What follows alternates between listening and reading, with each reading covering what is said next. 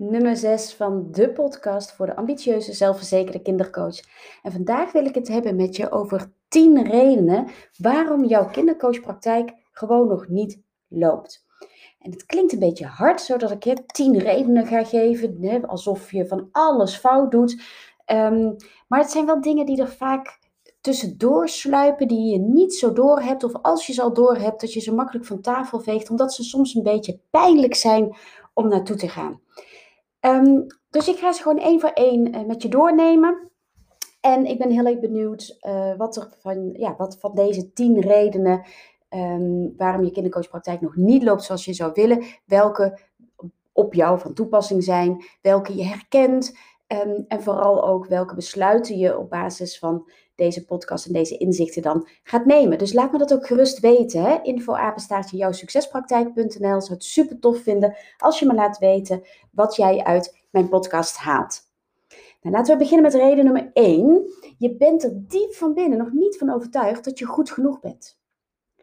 De meeste kindercoaches die vastlopen, en niet alleen kindercoaches hoor, überhaupt coaches, ondernemers in de breedste zin van het woord zou ik eigenlijk wel durven zeggen, zijn ergens diep van binnen nog bang dat ze niet goed genoeg zijn. Dat ze hun werk niet goed genoeg doen.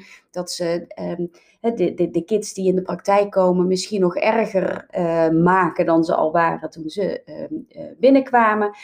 Um, dat ze uh, tegen de lamp gaan lopen, als ouders vragen stellen of als school wil sparren. En dat ze dan eigenlijk misschien niet weten wat ze moeten doen, het niet goed aanpakken, waardoor dat kind en die ouders uiteindelijk niet voldoende geholpen zouden zijn. Dan kun je je voorstellen dat als je daar diep van binnen, bewust dan wel onbewust, hè, vaak gebeurt het op een onbewust niveau, um, ja, die, die, die, die angst hebt dat je het niet goed zou kunnen doen, dan, uh, ja, weet je, daar ga je niet heel erg hard lopen om klanten te krijgen. Want op het moment dat je klanten krijgt, zou je zomaar bevestigd kunnen worden dat je niet weet wat je doet, dat je niet goed genoeg bent. Dus je gaat jezelf dan onbewust lopen saboteren. En dat is super, super zonde. En dan word je aarzelend in je uitspraken. Dan ga je heel voorzichtig formuleren over wat je kan betekenen. Dan um, uh, ga je misschien sowieso niet zoveel zichtbaar worden. Je gaat al helemaal niet iets doen wat lijkt op roeptoeteren. Dus uh, de allereerste blokkade die jou, jouw parten kan spelen, is dat je er diep van binnen nog niet van overtuigd bent dat je goed genoeg bent. De tweede is um, dat je iedereen wil helpen, want ja, weet je, iedereen verdient toch een fijn leven. En laten we vooropstellen, ik ben ervan overtuigd dat de meeste coaches inderdaad iedereen kunnen helpen. Dat ze ontzettend veel kunnen betekenen voor kids van alle leeftijden, um, voor hun ouders, uh, voor de broertjes en zusjes, voor het hele gezin.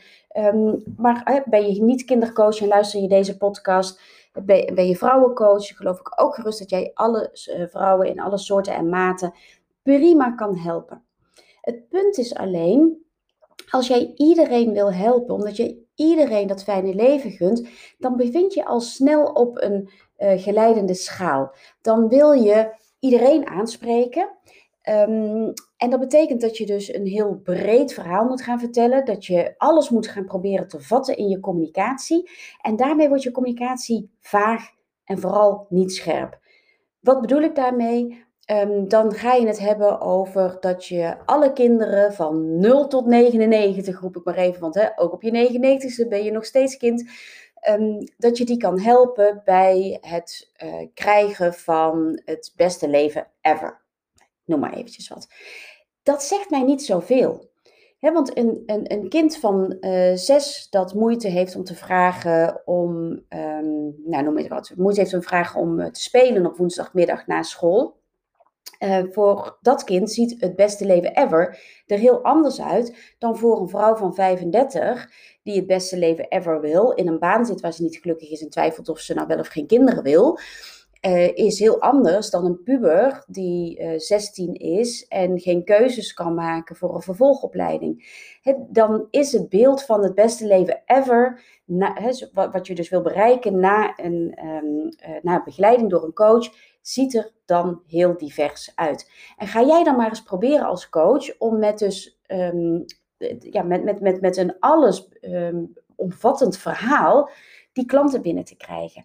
Je gaat dan met losse vlodders schieten. Je gaat dan het een, dit, de ene keer vertellen over inderdaad, hè, uh, kom bij mij, want ik uh, leer uh, je kind om speelafspraakjes te maken. De andere keer ga je zeggen, kom bij mij, want ik help je besluiten of je een... Um, of je wel of geen kinderen wil. Um, kom bij mij met je puber, want ik help hem door de schoolkeuze heen. Dat zijn te diverse dingen. Dat kun je niet vatten in één verhaal. Dan ga je van de hak op de tak en jouw klanten, of je toekomstige klanten, jouw volgers, zullen zich afvragen van hé, maar waar is zij nu eigenlijk van? Waar is ze nou eigenlijk goed in? En waarvoor moet ik nou wel of niet bij deze persoon zijn? Dus dan raak je mensen kwijt nog voordat ze contact met je hebben opgenomen. Dat leidt gelijk naar reden nummer drie, uh, waarom het zomaar eens niet zo goed zou kunnen lopen in je praktijk als je zou willen. Dat is net zo goed als dat zoveel verschillende klanten als dat jij wil helpen en jij kunt helpen, uh, zo divers is ook je aanbod. En dat klinkt eigenlijk al heel logisch, hè? Als jij dus en met kinderen werkt van zes die geen speelafspraakjes durven te maken, en werkt met pubers die moeite hebben om een huiswerk voor elkaar te krijgen. En met uh, volwassen vrouwen die een carrière stap willen maken. Uh, en met uh, toekomstige brug, brugklasleerlingen die um, een pestverleden hebben.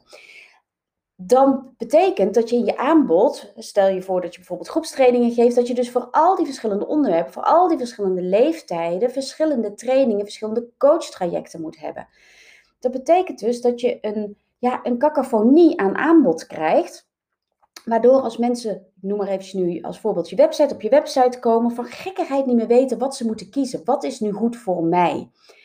En ook daar komt dan weer de vraag van, hé, maar waar ben je nu eigenlijk echt goed in? Want als je en sociale vaardigheidstraining en EMDR en weerbaarheidstraining en leren leren trainingen biedt, weet je, waar ben je nu eigenlijk echt van? Wat ook gebeurt is dat je toekomstige klant dan het gevoel krijgt dat hij voor een soort van keuzemenu wordt gesteld. En jouw klant kan zelf niet kiezen. Jouw klant heeft jou nodig om um, hem of haar te vertellen wat het allerbeste is. Dus je wil juist in plaats van een heel divers aanbod te etaleren, wil je je aanbod zo klein mogelijk maken. Zodat je heel gericht in je communicatie kunt zijn over wat je aanbiedt. Dat je heel gericht je tijd kunt besteden aan een beperkt aanbod. En zodat je veel meer kans hebt dat je dus ook daadwerkelijk voldoende mensen krijgt voor een specifieke aanbod. In plaats van dat je als een gek over van alles loopt te roeptoeteren. En dat niemand echt op iets aanhaakt. En je uiteindelijk met vijf of zes, zeven verschillende soorten coachtrajecten of trainingen op je website zit waar je nooit iemand voor krijgt. dus ook hiervoor geldt Maak je aanbod zo eenvoudig mogelijk, zodat je heel gericht kunt communiceren. Dan is het veel makkelijker voor jouw toekomstige klant. Die klant die dus niet iedereen is, maar die je echt gericht hebt gekozen, waar je op, op, ehm, ja, op gaat focussen, zodat die klant op jou kan aanhaken. Nou, blokkade nummer vier, het volgende. Roeptoeter over jezelf? Nee, dat doe je niet. Dat doe je niet. je wil integer, uh, oprecht uh, overkomen. Je bent hartstikke bescheiden. Dus um, je wil vooral zijn wie je bent. Uiteraard zou ik je trouwens ook altijd aanraden. Hè, blijven wie je bent. Dus dat al het geroeptoeter en borstklopperij, daar doe je niet aan. Jij wacht totdat de klanten jou gaan vinden. En dan kun je, als je pech hebt, heel lang wachten. Als jij een website maakt, een zakelijke Facebookpagina, misschien een bordje bij je voordeur hangt en je wacht totdat de mensen vervolgens spontaan op je afkomen, dan wordt het echt wel een lastige. Je zult niet alleen je naam, niet alleen je uh, uh, website in de markt moeten zetten. Je zult echt moeten gaan vertellen wie jij bent, waar je voor staat, voor wie jij werkt wat jij die personen te bieden hebt en waarom jij bij uitstek de persoon bent om dat te doen. En vervolgens natuurlijk ook hoe je dat doet. Dat is een verhaal wat je keer op keer hebt te vertellen. Dat is de enige manier om ervoor te zorgen dat mensen zich aangesproken voelen en het gevoel krijgen dat ze bij jou aan het juiste adres zijn. Dat jij ze de veiligheid kan bieden die ze nodig hebben. Dat jij ze daar kan brengen waar ze heen willen. Um, dus je moet wel naar buiten gaan treden. Betekent dat dat je moet roeptoeteren? Jawel, op een positieve manier. dus ik gebruik het woord roeptoeteren omdat daar een beetje een negatieve uh, annotatie aan hangt. Het is een beetje, beetje, ja, een beetje borstklopperij. Ik zou willen zeggen, ga nou roeptoeteren over jezelf op die integere manier. zodat je echt laat zien wat mensen, als ze bij jou komen, van jou krijgen. En dan is er niks borstklopperij aan. Dan is het ervoor zorgen dat jouw potentiële klant jou weet te vinden, zodat je ze het beste kan helpen, zodat die mensen dus weer gelukkig door het leven gaan. Dus je dient daarmee een groter doel. Reden nummer vijf waarom het waarschijnlijk nog niet zo lekker loopt, is dat je waarschijnlijk het ene moment vol energie zit. Dat je echt van gekkigheid niet weet uh, waar je de tijd vandaan moet halen. Want je bent vol geïnspireerd en je, nou ja, je bruist van de energie. Je gaat er vol voor. En het volgende moment voel je het gewoon niet. Is het me? Denk je, waar, waar, wat had ik überhaupt ooit gedacht? Um, ik heb geen energie. Um, ik zie het eventjes niet. Um, wat, wat, als, wat, wat zullen mensen er allemaal wel niet van denken? En in één keer doe je niets meer. Of in ieder geval een af, slap aftreksel van um, datgene wat je liet zien op het moment dat je bruiste van energie. En dat is op zich helemaal niet zo raar dat dat gebeurt. Uh, nou, niet eens op zich, dat is zelfs zeer logisch dat dit uh, gebeurt. Ik ga er even van uit dat uh, 99% en misschien wel meer van de mensen die deze podcast luisteren vrouw zijn. Um, en ik hoef je niet te vertellen dat onze hormonale cyclus ons nog wel eens parten kan spelen. Nou, ik heb daar ooit een hele masterclass over gegeven. Ben je daarin geïnteresseerd? Laat het me vooral weten. Misschien dat ik daar een keertje een volledige podcast aan wijd. Maar in het kort komt het erop neer dat je op verschillende momenten in je cyclus, onder invloed van hormonen, inderdaad bruist van energie en als een soort van nature naar buiten treedt. Dat is een beetje rond je ovulatie. En dat op het moment dat je tegen je menstruatie aanzit en, en in de periode van je menstruatie, dan uh, ga je in een soort van, um, uh, heet, hoe heet dat? Um, nou, hoe noem je dat? Dieren die uh, gaan slapen heel lang. Winterslaap. Ja, goed zo. Ik moest even op het woord zien te komen. Ga je in een soort van winterslaap, daalt je energie enorm. En keer je veel meer naar binnen, twijfel je ook van, um, ja, door onder invloed van die hormonen, veel meer aan van alles en ook aan jezelf. Um, en dan is het gewoon lastiger om jezelf aan te slingeren om daadwerkelijk iets te gaan doen. In plaats van dat je nu zegt van, oh, dat betekent dus dat ik um, daar volledig aan mag toegeven, zou ik uh, trouwens in grote uh, lijnen zeker doen. Hè? Gun jezelf om op de flow van je energie uh, mee te gaan. Ga niet al te veel tegen jezelf invechten. Um, maar tegelijkertijd wil ik ook zeggen, val niet in de valkuil van het heel hard rennen en vervolgens compleet stilvallen. Want um, dan uh, ben je niet consistent aan het zaaien en vanuit niet consistent zaaien komt geen oogst. Dus ga dan op zoek naar manieren waarop je ervoor kunt zorgen dat je op momenten dat je minder energie hebt, dat het een soort van automatisch doorloopt. Bijvoorbeeld met het posten van uh, je social media uh, posts. Zet dan dingen klaar schrijfblogs voor, um, um, in, in, in, in uh, batches, zodat je altijd materiaal hebt liggen dat je kunt inzetten op die momenten dat je denkt, uh, nu even niet. Zodat je niet volledig stilvalt. En wat ik heel erg belangrijk vind, is dat je van jezelf kunt accepteren dat die momenten erbij horen. En in plaats van dat je dan tegen jezelf gaat zeggen, zie je wel, ik kan het niet, ik ben ook zo onzeker. Um, het gaat het om allemaal niet voor mezelf, voor mij worden. Dat je tegen jezelf kan zeggen, oh wacht eventjes, waar zit ik in mijn cyclus? Hmm, dit hoort er nu even bij. Over een week ziet de wereld er weer heel anders uit. Nou, nogmaals, het is misschien een goed onderwerp om een keertje een volledige podcast aan te wijden, want er is heel veel over te vertellen. Maar deze wilde ik even aan je meegeven. Dit kan dus echt een blokkade zijn um, die ervoor zorgt dat jij stilvalt in je praktijk, waardoor het dus niet altijd even loopt zoals je zou willen.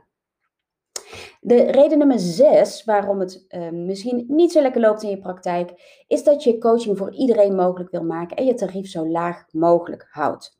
Je wil er voor iedereen kunnen zijn, je weet dat niet iedereen het even breed heeft en je gunt het alle kinderen en ouders om de begeleiding te krijgen die ze kunnen gebruiken. Dus jij houdt je tarief zo laag mogelijk om dat mogelijk te maken. En dat is een super nobel doel. Ik zal je ook zeker aanraden om altijd te kijken wat je kunt doen, juist voor de mensen die het financieel minder hebben. Tegelijkertijd wees er ook alsjeblieft voorzichtig mee. Je straalt daarmee onbewust uit dat je niet zoveel waard bent. Als je heel veel, en ik ben nogmaals uh, nogmaals, dat zeg ik nu omdat als je me langer volgt, dan heb je me dit al heel vaak horen zeggen. Ik heb het in deze podcast nog niet gezegd.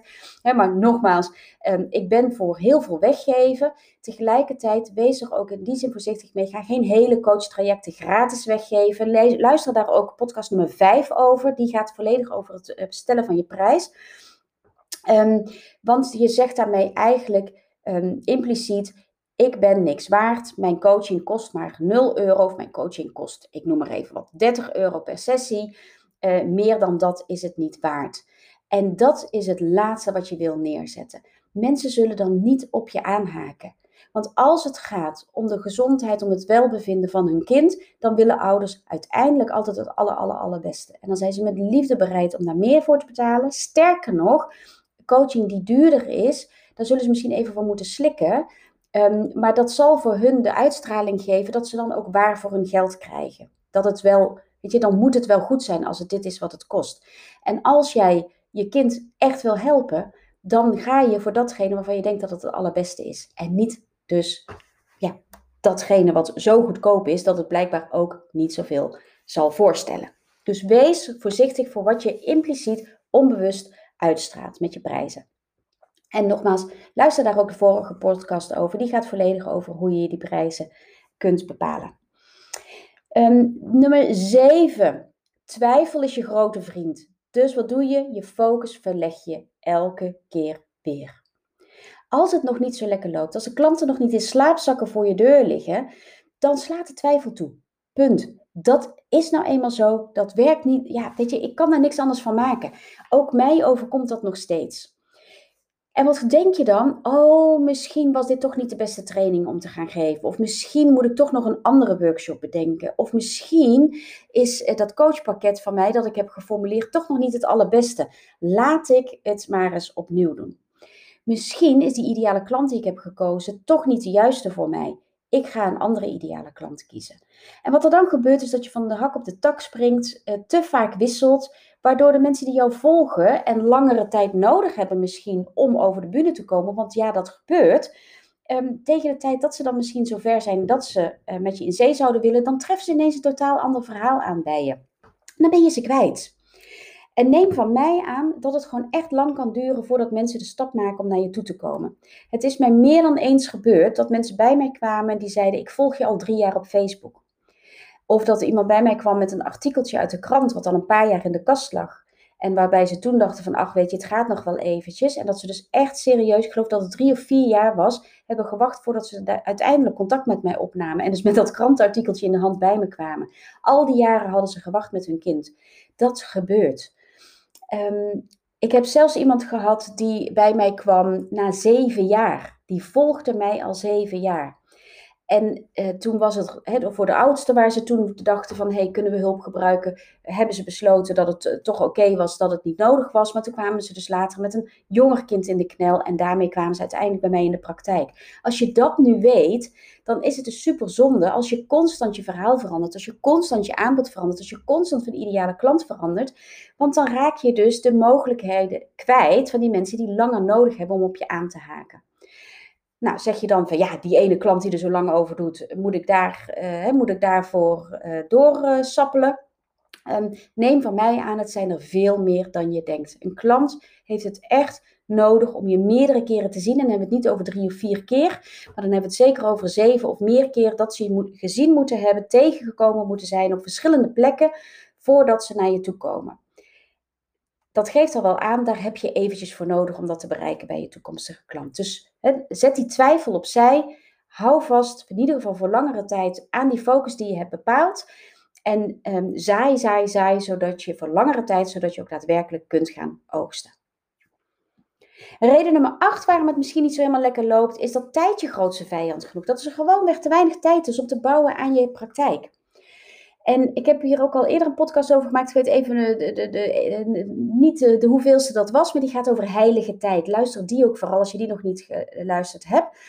Um, wat ik zie gebeuren is. Um, oh, nou, ook dat, hè, super logisch dat het gebeurt. Ook deze ken ik uit uh, mijn eigen ervaring, uiteraard. Je bent niet alleen coach, je bent partner van, je bent ouder van, uh, waarschijnlijk. Uh, misschien heb je nog een baan daarnaast. Uh, je hebt je ouders. je hebt je hele sociaal netwerk. Er wordt vanuit allerlei kanten een beroep op jou gedaan. Grote kans dat je ook nog ja, het huishouden hebt te bestieren in je eentje. En um, dan ligt er nogal veel op je bordje. En wat er dan gebeurt, is dat ehm, je vaak eerst alles gaat doen wat, wat echt moet gebeuren. En dat die praktijk dan op het laatste plan komt. Dan wordt tijd je grootste vijand. Dus het is super, super, super belangrijk dat je ervoor zorgt dat als jij daadwerkelijk jouw praktijk een kans van slagen wil geven, dat je heilige tijd gaat creëren voor je praktijk. Nou, luister daar vooral ook die andere podcast over. Daar ga ik er uitgebreid op in. Maar ik ben benieuwd of je dit herkent. Dat als je heel eerlijk bent, jij je praktijk heel graag wil opbouwen. Maar dat je hem toch altijd op het allerlaatste plan zet. En dat gaat wringen. Niet alleen omdat je geen klanten gaat krijgen, maar ook gewoon bij jezelf. Hè, dat gaat wringen. Want daarmee zet je dus je droom, je passie, zet je op de laatste plaats. En dat is het laatste wat we willen. Oké, nummer 9. Je vraagt je misschien wel oprecht af wie er in godesnaam op jou zit te wachten. En zolang je je dat nog afvraagt, zul je niet vol trots, passie, enthousiasme naar buiten treden. Als jij denkt dat je eigenlijk niks te brengen hebt, als je denkt dat de hele wereld uh, liever naar een ander gaat dan naar jou komt, dan word je veel te onzeker en bescheiden in je hele communicatie. En nou ja, dat is eigenlijk hè, een beetje vergelijkbaar met de allereerste die ik noemde, dat je er diep van binnen misschien nog van overtuigd bent dat je niet goed genoeg bent. Um, dan ga je je inhouden, um, ga je geen zelfverzekerd um, beeld naar buiten brengen. Sterker nog, misschien ben je heel, breng je jezelf helemaal niet naar buiten. En dan gebeurt er niets. Dus als dit bij je speelt, ga er alsjeblieft mee aan de slag. En de allerlaatste reden is dat de angst voor succes bij velen van jullie zo mogelijk nog groter is dan de angst om te falen. Want wat gebeurt er als jij succesvol wordt? Kun jij dan nog wel um, die praktijk bestieren? Kun je dan nog wel die toeloop van klanten aan? Heb je dan wel genoeg tijd? Um, misschien ben je zelf uit een burn-out situatie um, uh, weggegaan in je vorige baan en heb je je laten omscholen tot kindercoach. Ben je doodsbang dat als het echt goed gaat lopen, dat je weer burn-out raakt? Misschien ben je bang dat als het echt goed gaat lopen, dat je uh, je rol als moeder minder goed kunt vervullen. Of dat je je partner in de steek laat. Of dat het iets gaat doen in de relatie met je vriendinnen, omdat je dan minder tijd voor hun zult hebben. Er zijn allerlei redenen waarom je bang kunt zijn voor je eigen succes. Dus doe jezelf een lol en kijk of dit bij jou aan de hand is. Want als dat speelt, ook dan zul je niet naar buiten treden met al je passie en enthousiasme. Zul je altijd als het, op het moment, als het erop aankomt, uh, zul je op de rem trappen voor jezelf. Ja, weet je, en dan doe je je eigen succes nog voordat het opgestart is teniet. En hoe zonde is dat? Nou, ik herhaal nog eventjes de 10 redenen waarom jouw praktijk waarschijnlijk nog niet zo loopt zoals je zou willen. En um, laat ik beginnen met de eerste. Dat was, je bent er diep van binnen nog niet van overtuigd dat je goed genoeg bent. De tweede, je wil iedereen helpen, want iedereen verdient toch een fijn leven. De derde, zoveel verschillende klanten als jij kunt helpen. Zo divers is ook je aanbod. Nummer 4, roeptoeter over jezelf. Nee, dat is niks voor jou. Jij wacht tot jouw klanten je spontaan vinden. Nummer 5, het ene moment bruis je van de energie en ga je vol voor, maar het andere moment zakt alles als een plumpudding in elkaar. Nummer 6, je wil coaching voor iedereen mogelijk maken, dus je tarief houd je zo laag mogelijk. Nummer 7, twijfel is jouw grote vriend, dus je focus verleg je nogal eens. En nummer 8, tijd is jouw grootste vijand. Er is gewoonweg te weinig tijd om, je, om te bouwen aan je kindercoachpraktijk. Nummer 9, je vraagt je oprecht af wie er eigenlijk op jou zit te wachten. En nummer 10, de angst voor succes is zo mogelijk nog groter dan je angst te falen. Ik ben heel erg benieuwd wat jij uh, uit deze uh, podcast herkent. Laat het me vooral weten. Is er iets waarvan je zegt van hé, hey, daar zou ik nou nog wel eens meer over willen horen of daar zou ik meer over willen leren? Luister mijn andere podcast, stuur me een e-mail, info-apenstaatje jouwsuccespraktijk.nl. Maar ook weet dat ik van 14 tot en met 18 juni weer uh, mijn challenge ga geven, de kindercoachpraktijk van je dromen. En daar komen ook al dit soort dingen aan bod. Vijf dagen lang inspireer ik je, motiveer ik je en leer ik je alle lessen die ik zelf geleerd heb in de tijd van mijn kindercoachpraktijk.